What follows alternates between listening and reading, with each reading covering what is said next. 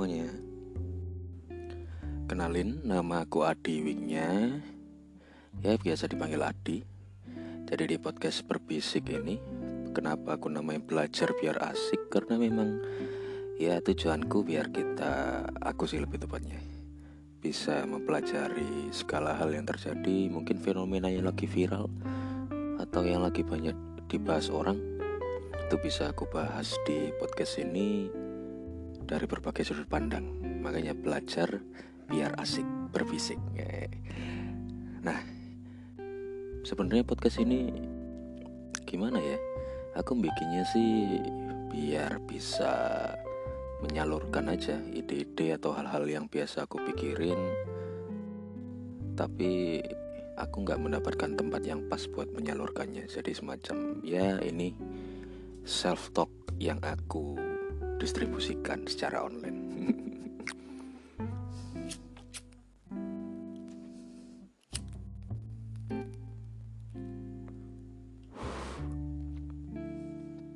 nah, di podcast yang pertama ini, hmm, aku tuh sebenarnya pengen ngobrolin soal psikologi sih. Ya meskipun contohnya seberapa penting pergi ke psikolog ya, cuman kan kita nggak tahu seberapa penting pergi ke psikolog kalau kita nggak kenal ilmunya dulu psikologi itu gimana. Sama aja kayak nggak penting-penting amat lah datang ke rumahnya si A atau si B kalau kita nggak kenal sama dia gitu kan. Nah jadi psikologi itu sendiri ya biasa bahasa template lah bahasa di buku. Psikologi itu ilmu yang mempelajari jiwa manusia. Cuman kalau menurutku sih kurang tajam ya kalau cuma disebut sebagai mempelajari jiwa. Karena sebenarnya kalau secara epistemologi yang dipelajari di psikologi itu ya perilaku manusianya. Makanya orang psikologi itu kebanyakan akhirnya bisa menjelaskan kenapa ya si A kok perilakunya seperti itu? Kenapa ya si B itu kalau lagi sedih kok dia seperti itu Kenapa ya orang ekstrovert itu kalau lagi jenuh atau lagi apa itu mereka mencari keramaian, mencari orang lain untuk bercerita supaya dia fit lagi. Nah, contohnya kayak gitu. Jadi psikologi itu menurutku memang lebih tajam atau lebih menjurus kalau dikatakan mempelajari soal perilaku manusia. Sebelum kita bahas tentang seberapa penting sih pergi ke psikolog, kalian harus tahu ini bahwa sebenarnya psikolog itu ketika dalam tanda kutip menerapi atau mengkonseling atau mengintervensi bahkan belum sampai intervensi ya ketika menerima klien baru. Ketika seorang psikolog itu menerima klien baru mereka itu nggak langsung loh. Nggak langsung mengambil keputusan atau judgement. Mereka harus memperlakukan klien seperti apa. Mereka itu nggak kayak gitu. Karena seorang psikologi atau dalam hal ini psikolog itu belajar minimal 6 tahun. 4 tahun di S1 kemudian sekitar 2 tahun untuk di pendidikan profesinya untuk menjadi psikolog.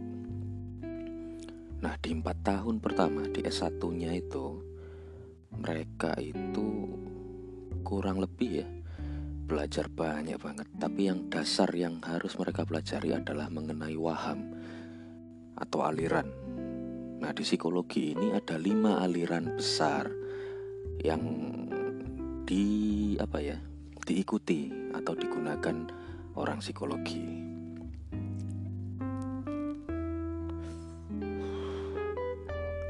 Yang pertama adalah aliran psikoanalisa atau psikodinamika. Kalian sudah tahu kan, ini tokohnya itu sangat terkenal lah. Pokoknya kalau ngomongin psikologi pasti yang muncul fotonya orang ini.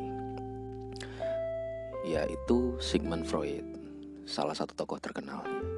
Nah, Sigmund Freud ini uh, gini gini gini gini. Psikodinamika itu dia melihat manusia atau memandang manusia itu dari ketidaksadarannya. Nah, ketidaksadaran itu artinya ada sesuatu atau hal-hal yang tidak disadari oleh seorang individu yang membuatnya berperilaku seperti itu.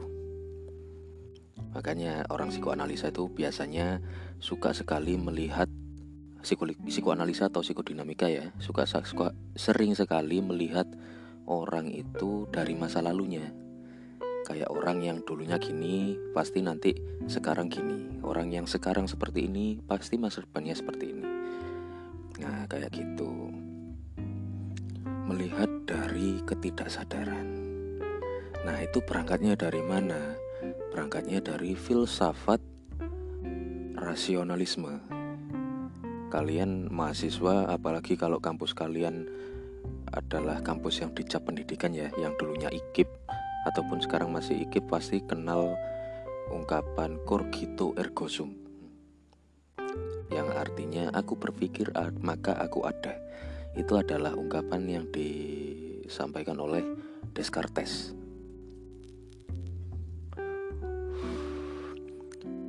Nah apa sih uh, Corgeto ergo sum itu apakah sebatas karena kita punya otak kita bisa mikir terus aku ada gitu?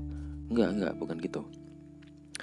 Maksud dari Corgeto ergo sum atau berpikir maka aku ada itu adalah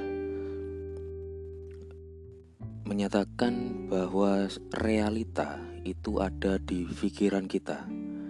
Apa yang ada di depan yang bisa kita lihat itu enggak nyata yang kita lihat di depan itu adalah hasil interpretasi dari apa yang ada di pikiran kita. Semisal kita berpikir bahwa meja itu kakinya empat, atasnya itu ada papan yang datar yang bisa digunakan untuk meletakkan barang atau kita untuk sebagai uh, dasar untuk kita menulis Nah, itu kan kita punya gambaran dalam otak ukurannya seperti apa, panjang kakinya seperti apa, lalu eh, papannya itu gimana, bahannya terbuat dari apa, itu kan ada di pikiran kita. Itu realitanya. Kemudian kita terjemahkan realita itu ke kehidupan yang ada di depan diri kita. Nah, itulah yang dimaksud dengan aku berpikir maka aku ada. Maka sebenarnya dari situ psikoanalisa atau psikodinamika itu melihat bahwa apa yang ada di dalam ketidaksadaran di dalam pikiran manusia itulah yang sebenarnya ada. Itu ya. Nah, itu salah satu aliran. Nanti kalau penjelasannya mungkin bisa lebih dalam lagi ya. Contohnya kayak uh, kalau kalian uh, pernah tahu atau cari-cari soal Sigmund Freud nanti pasti juga muncul gambar gunung es. Nah, itu kan menjelaskan soal uh, alam sadar yang kecil dan alam tidak sadar yang ternyata jauh lebih besar yang ada di dasar itu. Nah, seperti itu sebenarnya. Kita itu berperilaku atau melakukan sesuatu berdasarkan sesuatu yang per sudah pernah kita pelajari sebelumnya. Contoh-contoh, ini contoh aja, contoh. Uh, kita pernah uh, disakiti atau diselingkuhi oleh laki-laki atau perempuan yang uh, berambut gondrong atau kalau perempuan berambut panjang. Nah, ke depannya karena kita sudah pernah mempelajari rasa sakit setelah berhubungan dengan laki-laki atau perempuan yang rambutnya panjang, ke depannya bisa saja kita akhirnya punya semacam penilaian yang berbeda ya kalau bahasa awamnya sih sebut trauma lah. Kita akhirnya kayak nggak terlalu suka sama orang yang rambutnya panjang. Itu itu ya jadi itu adalah psikodinamika. Salah satu aliran dari uh, psikologi. Banyak sekali sebenarnya tokohnya. Ada Sigmund Freud kemudian ada muridnya juga uh, Carl Jung. Ya, biasanya ada teman-teman yang memanggil Cak Jung itu kan uh, dia dia ini muridnya Sigmund Freud yang dalam tanda kutip menyempurnakan itu klaimnya dari Carl, Carl, uh, Carl Jung ya. Aduh bacanya Carl Jung atau Carl Jung sih? Aku ngomong Cak Jung ya. Nah, dia itu kan uh, mengklaim bahwa uh, dia itu menyempurnakan teori dari Sigmund Freud dengan konsep selfnya, konsep persona, kemudian arketipnya yang isinya ada shadow, anima, animus dan lain sebagainya. Itu itu sudut pandang yang pertama. Uh, ada juga sih uh, itu Rolome. Itu salah satu yang menarik karena dia mempelajari bagaimana uh, bahwa eh, bagaimana pengenalan seorang anak atau bayi dengan puting ibunya itu akan mempengaruhi perilakunya sampai dia akhirnya dewasa. Nah, kelihatan kan bahwa psikoanalisa itu berkata ada sesuatu yang tidak sadar itu mempengaruhi kita, perilaku kita di masa yang mendatang. Itu cara, cara atau sudut pandang pertama ketika kita menjadi psikolog. Lalu yang kedua adalah behavior. Behaviorisme. Itu ini pengetahuanku ya. Kalian akan lebih baik kalau kalian cari sendiri semacam artikel atau buku dan tentunya kalau belajar soal psikologi harus ada gurunya sih. Soalnya kalau uh, kalau kalian awam itu artinya nanti kalian bisa ngalor ngidul itu yang bahaya. Sering kak sudah sering kan kita lihat orang-orang yang mengklaim tahu psikologi tapi menyalahgunakan. Nah itu. Nah behaviorisme ini setahuku ya ini aku yang aku inget aja soalnya sebelumnya juga masih panjang jadi gini waktu dulu itu ada tokoh namanya J.P. Watson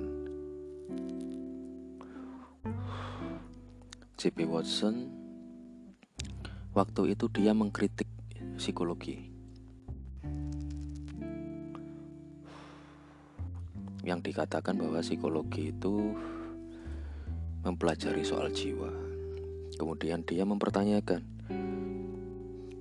kalau emang psikologi itu mempelajari soal jiwa, lantas jiwa itu sebenarnya ada di mana?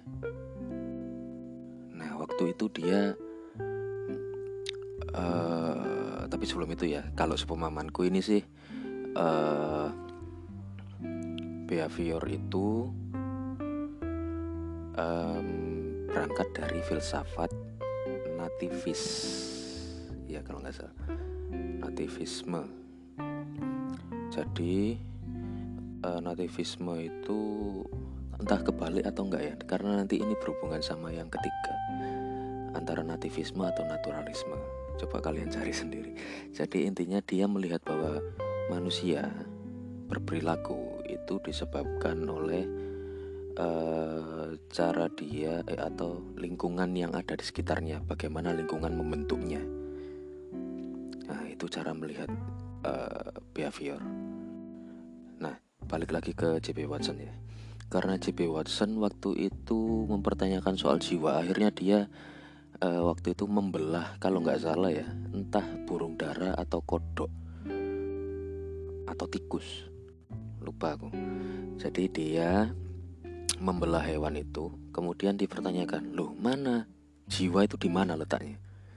Ini lo jantung ini lo paru-paru ini lo ini ini ini ini organ yang lain organ yang lain jiwa itu nggak ada oleh karena itu untuk mem kita agar kita bisa benar-benar menggambarkan bagaimana psikologis atau perilaku manusia itu bisa dipelajari dan nampak secara nyata. Kita harus melakukan eksperimen. Nah, oleh karena itu uh, akhirnya dia ter, uh, eh, JP Watson ini terkenal karena dia membangun lab psikologi. Lupa aku nama labnya apa. Dan dia akhirnya dapat julukan sebagai bapak psikologi eksperimen. Dan dari eksperimen itu akhirnya berkembang uh, pandangan eh pandangan apa ya konsep tentang stimulus respon. Jadi uh, behaviorisme ini memandang bahwa manusia itu sebagai organisme yang pasif yang hanya akan merespon stimulus yang muncul dari lingkungan. Jadi kita itu oh kita akan hanya akan berteduh ketika kita merasa kepanasan kena sinar matahari semisal. kita akan berteriak kesakitan ketika ada yang mencubit kalau nggak dicubit ya nggak teriak nah, contohnya kayak gitu nah karena behavior ini memandang seperti itu akhirnya uh, biasanya kalau dibutuhkan behavior ini psikolog cenderung untuk memberikan guidance. Ya, nanti dijelaskan di akhir aja. Nah yang ketiga ini uh, oh sorry sebelum urusan yang ketiga ya. Behavioris itu kan awalnya stimulus respon aja kemudian sama psikolog-psikolog yang lain dikembangkan. Uh, tokonya banyak sih nggak cuma Watson ada juga Pavlov ada juga uh, Skinner yang terkenal dengan pengkondisian operannya. Terus ada juga um, siapa ya? Tolman kalau nggak salah. Eh, Tolman itu masuk ke behavior apa kognitif ya? Aku lupa. Tolman itu aku paling suka soalnya dia mengkritisi banyak sekali. Keren lah orang itu. Dan juga dia mengembangkan soal uh, jejak ingatan. Nah, kembali lagi. Jadi awalnya itu behavior itu konsepnya cuman SR atau stimulus respon kemudian berkembang lagi. Jadi SOR stimulus organisme respon. Jadi dari stimulus diolah diolah dulu oleh organisme, kemudian baru dia merespon. Dari SOR nyem uh, berkembang lagi jadi OSOR, organisme, stimulus, organisme, respon. Jadi ada organisme dulu yang berpikir atau melakukan sesuatu akhirnya timbul stimulus dari stimulus diolah oleh organisme yang menerima stimulus itu kemudian baru muncul respon. Nah itu. Lanjut uh, dan terus berkembang seterusnya. Kemudian dari situ uh, muncullah aliran yang ketiga. Aliran yang ketiga ini uh, biasanya disebut humanistik. Uh, banyak banget sih tokohnya dan dari humanistik inilah lahir lahirnya uh, psikologi positif. Nah, aliran yang ketiga ini humanistik itu berangkatnya dari filsafat yaitu tadi kebalikan dari behavior. Kurang uh, ya kalau nggak naturalistik, naturalis ya nativis. Coba aku aku agak lupa itu. Intinya adalah gini. Uh, pakai bahwasanya manusia itu uh, dalam tanda kutip dilahirkan seperti itu ya memang begitu. Jadi mau kita suka nggak suka ya memang begitu kenyataannya. Maka seharusnya kita menerima seapa adanya. Jadi kalau memang uh, duren ya duren. Kalau dilahirkan sebagai nangka ya nangka. Meskipun sama-sama luarnya cenderung berduri tapi ya beda. Memang kita harus menerima seapa adanya duren tapi begitupun kita harus menerima seapa adanya nangka. Ya akhirnya itulah aku kurang bisa mendalami soal humanistik ini. Kurang lebih seperti itu. Kemudian ada lagi aliran yang keempat yaitu gestalt atau kognitif ya tokonya Gestalt ini tadi karena saking kerennya penemuannya sampai dijadikan aliran Gestalt namanya. Intinya Gestalt itu melihat dari sisi perkembangan kognitifnya. Ya kayak gitulah. E, manusia itu kalau memang udah di usia segitu harusnya kognitifnya seperti apa. Kemudian kalau ada ganggu ada harusnya di usia dewasa tapi kok dalam tanda kutip pikirannya masih seperti anak kecil. Nah itu berarti ada apa ada apa? Termasuk uh, itu nanti membahas soal bagaimana persepsi bisa terjadi dan lain sebagainya. Aku kurang mendalami. Termasuk yang kelima ini aku kurang mendalami juga. Soalnya dulu kalau buatku nggak terlalu dibahas yaitu transpersonal psychology. Transpersonal itu memandang bagaimana eh manusia melihat man, manusia itu dari bagaimana dia berhubungan dengan sesuatu yang sifatnya apa ya um, kalau aku membahasakannya itu supranatural. Jadi itu memandang manusia kayak dari sisi spiritualitasnya kepercayaannya ya seperti itu. Karena dia spiritualis spiritualitasnya seperti itu akhirnya dia ber, berperilaku begitu begitu begitu ya kurang lebih seperti itu. Nah kaitannya dengan lima waham ini tadi kan aku tadi bilang bahwa psikolog itu ketika kedatangan klien dia tidak dan memang di pendidikannya itu psikolog tidak boleh judgement. Tidak boleh judgement. Judgement itu hanya diberikan pada uh, fase uh, pada saat kebutuhan klinis misal memang dia sudah didiagnosa ada gangguan nah itu baru judgement. Yang aku maksud judgement di sini adalah terlalu cepat-cepat itu nggak boleh. Makanya kalau ke psikolog itu sebenarnya kalau kamu ragu ya itu sebenarnya harusnya itu dibuang. Dan kenapa harus dibuang? Karena yaitu di awal psikolog itu tidak boleh judgement. Kenapa? Karena dia harus bisa psikolog ini harus bisa secara tepat memutuskan. Dia itu mau menggunakan sudut pandang yang mana ketika akan membuat perlakuan pada klien. Maksudku gini.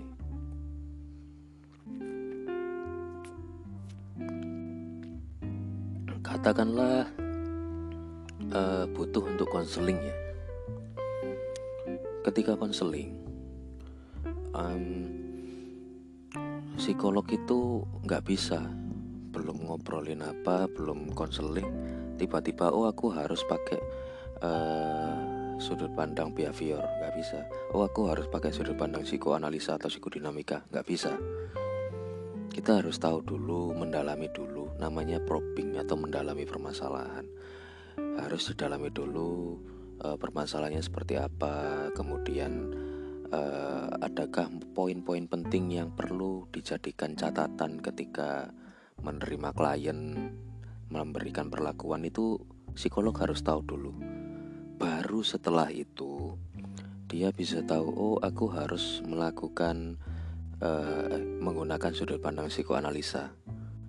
Ketika psikolog itu tahu oh ini perlu aku gali masa lalunya ini ada sesuatu atau unfinished business ada uh, bisnis yang belum selesai di tahap perkembangan sebelumnya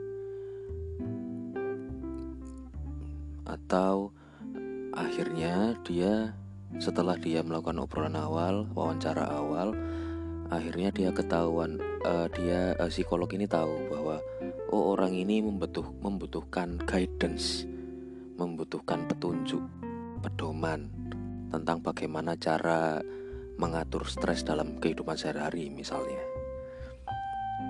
Oh, atau akhirnya psikolog ini tahu oh, orang ini membutuhkan penerimaan sebenarnya. Dia butuh untuk diterima apa pun yang sedang dia alami dan keadaan dia saat ini. Dia itu butuh penerimaan. Maka aku harus menggunakan sudut pandang humanistik. Contohnya seperti itu. Nah, makanya kalau dari pengalamanku ya, aku bukan psikolog, bukan psikolog.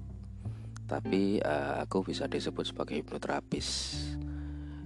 Uh, kalau kalian pernah tahu uh, orang yang lagi viral beberapa waktu lalu soal penggunaan uh, penggunaan lisensi hipnoterapis untuk melakukan pelecehan seksual ya aku sebenarnya sama seperti orang itu. Cuman aku beda organisasi ya aku bisa bilang organisasiku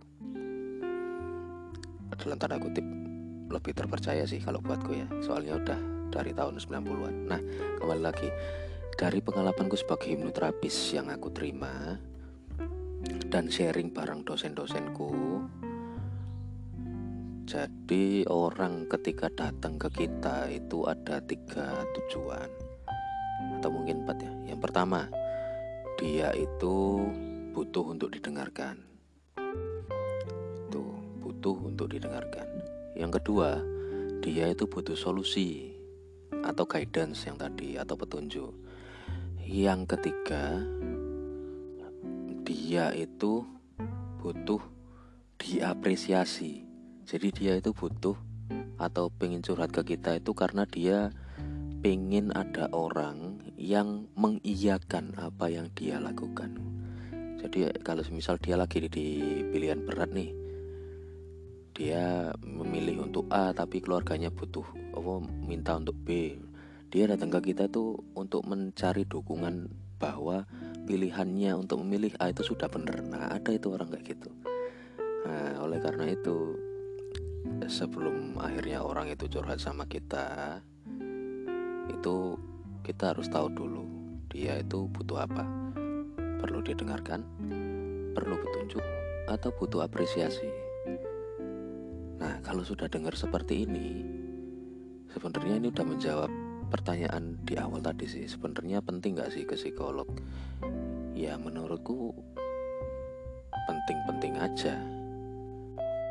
Dalam artian kalau kalian menganggap bahwa psikolog itu akan seperti uh, penceramah yang omongannya harus dituruti enggak itu salah persepsi.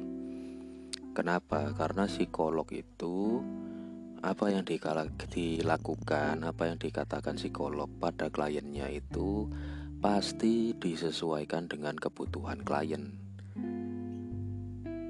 Kok bisa disesuaikan dengan kebutuhan klien? Ya karena di awal itu kita diajarkan bahkan diwajibkan untuk tidak judgement. Tapi kita diajarkan untuk lebih dahulu paham kondisi klien. Psikolog itu harus paham dulu kondisi klien baru kemudian dia dalam tanda kutip membuat formula atau rancangan apa yang harus dia lakukan sebelumnya. Makanya kalau kalian punya teman uh, psikologi yang belajar kuliah psikologi itu manfaatkan dan kalian coba amati. Ketika ada orang yang cerita atau curhat ke dia dia akan cenderung di awal pasti lebih banyak bertanya. Dia ingin tahu uh, ceritamu permasalahan yang kamu bawa itu ingin tahu dulu lebih dalam. Sebelum akhirnya dia lanjut ke fase berikutnya dia mau gimana? Apakah mau terus mendengarkan? Apakah dia mau memberi sebuah arahan atau dia mau memberikan sebuah apresiasi atas apa yang telah dicurhatkan oleh temannya atau oleh kliennya. Nah coba kalian amati pasti seperti itu. Itu sebenarnya aku beberapa kali sih ketemu sama orang-orang yang tanya seperti itu. Penting gak sih ke psikolog? Penting gak sih ke psikolog? Ya penting-penting aja ke psikolog itu nggak harus nunggu ada gangguan. Enggak kalian ngobrolin sesuatu memang butuh kayak kemarin ada yang uh, minta ke aku untuk dicarikan psikolog. Kaitannya pingin konsultasi aja ping, dalam tanda kutip pingin sharing ke psikolog terkait manajemen stres apalagi sekarang punya anak dan lagi masa pandemi. Nah itu dia pengen sharing di situ. Sih itu cuman itu bukan sesuatu yang uh, bisa dikatakan berat seperti harus ada gangguan dulu. Enggak. Konsultasi-konsultasi ringan seperti itu bisa. Termasuk seperti konseling pranikah. Nah ini kan uh, sesuatu yang biasanya nggak orang-orang Indonesia lakukan ya. Konseling pranikah. Itu menurutku penting loh konseling pranikah. Karena jarang mungkin sekarang mulai banyak orang yang melakukan. Cuman kayaknya masih jarang juga orang yang calon suami dan istri yang mau menyempatkan waktu ngobrol berdua untuk saling benar-benar saling mengenal terkait pandangannya masing-masing tentang mau pengaturan keuangan finansial seperti apa misal atau ngobrolin soal uh, seks. Yang laki-laki sukanya seperti apa yang perempuan sukanya seperti apa. Kemudian uh, dalam satu minggu itu frekuensinya berapa kali dalam satu minggu? Itu kadang kan jarang. Makanya uh, kayak program dulu yang sertifikat nikah yang banyak penolakan itu sebenarnya aku cukup setuju sih. Kalau proses pranikahnya bener-bener baik nah kayak kayak gitu aja itu kan juga perlu itu kan bukan sesuatu yang dalam tanda kutip berat bisa dikonsultasikan selain soal pertanyaan seberapa penting ini salah satu hal yang cukup menarik dan aku masih ingat sampai saat ini. Nyalain rokok dulu.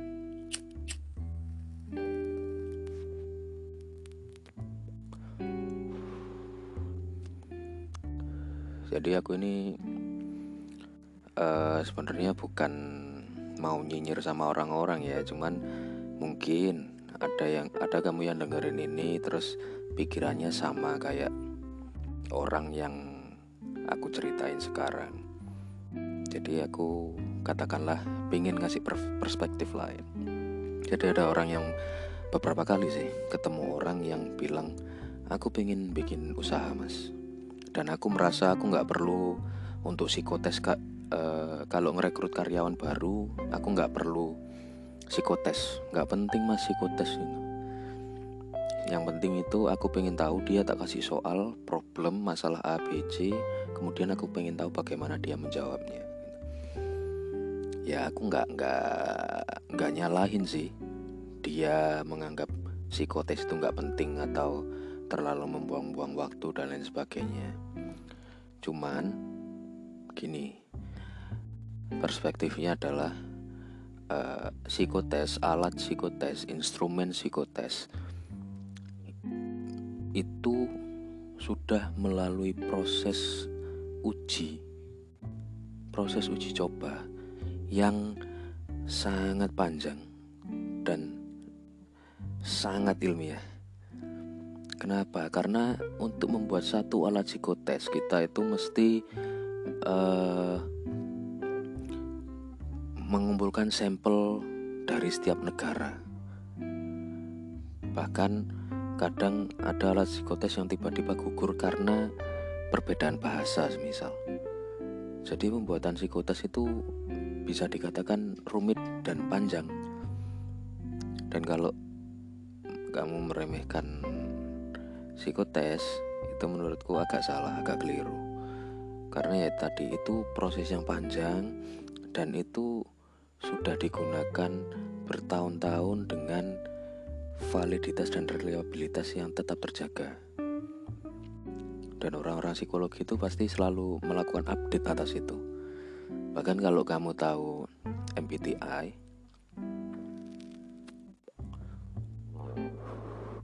alat tes kepribadian yang MBTI, alat tes kepribadian yang nanti hasilnya itu INFJ, T, INFP, A, ISTP dan lain sebagainya.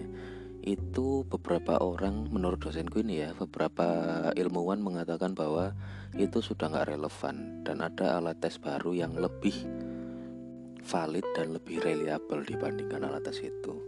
Tapi apakah menggunakan alat itu nggak diperbolehkan boleh cuman sekarang mungkin udah nggak disarankan kalau buat seru-seruan aja sih nggak apa-apa kalau aku sih dapat INFJ T sih kalau kamu dapat apa? ya, jadi kembali itu lagi ya. Pertama, ke psikolog itu bisa dikatakan penting-penting aja. Kemudian apakah omongan psikolog itu perlu dilakukan? Perlu banget sih. Ada pasti yang perlu banget. Cuman bukan berarti psikolog omongan psikolog itu bisa dianggap seperti diktator gitu ya doktrin gitu ya. Karena beberapa orang aku temui itu seperti meremehkan bahwa omongan psikolog itu nggak harus dilakukan. Itu yang aku sayangkan sih. Kenapa aku menyayangkan? Karena omongan psikolog itu disesuaikan lagi-lagi disesuaikan dengan kebutuhan kliennya. Kalau dia butuh untuk ini ya dikasih ini butuh untuk ini dikasih ini. Butuh A kasih A butuh B kasih B. Jadi itu sih. Terus dan, dan yang ketiga alat psikologi itu nggak sembarangan. Bikinnya sangat ilmiah ya kurang lebih gitulah ya untuk podcastku berbisik untuk episode pertama ini. Ya semoga kalian bisa mendapat insightnya termasuk misal ada nggak yang perlu aku bahas selanjutnya? Kirim aja ke email ya. Uh, kalian bisa cari baca emailnya di profil itu atau kalian mau DM di Instagram aku silakan nanti aku tulis di uh, apa ya itu namanya? Ya itulah ntar aku tulis. Oke sampai ketemu di podcast aku yang selanjutnya. See you. Jangan lupa belajar biar makin asik. Oh iya apa? Humanistik tadi aku lupa. Humanistik tadi uh, mengkritiknya itu gini mengkritik aliran yang lainnya emangnya manusia itu bisa dikotak-kotakkan ya? Sebatas bagaimana dia merespon sebuah stimulus. Atau dikotak-kotakkan soal bagaimana masa lalunya atau ketidaksadarannya itu mempengaruhi dirinya dalam berperilaku. Enggak manusia itu ya seapa adanya dia gitu. Makanya dia uh, kalau kita menggunakan sudut pandang humanistik kan harus menerima seapa adanya dia. Ya, kayak gitu aja sih tambahannya. Coba kalau kamu punya uh, insight atau pandangan yang berbeda email atau DM aku aja ya di IG see you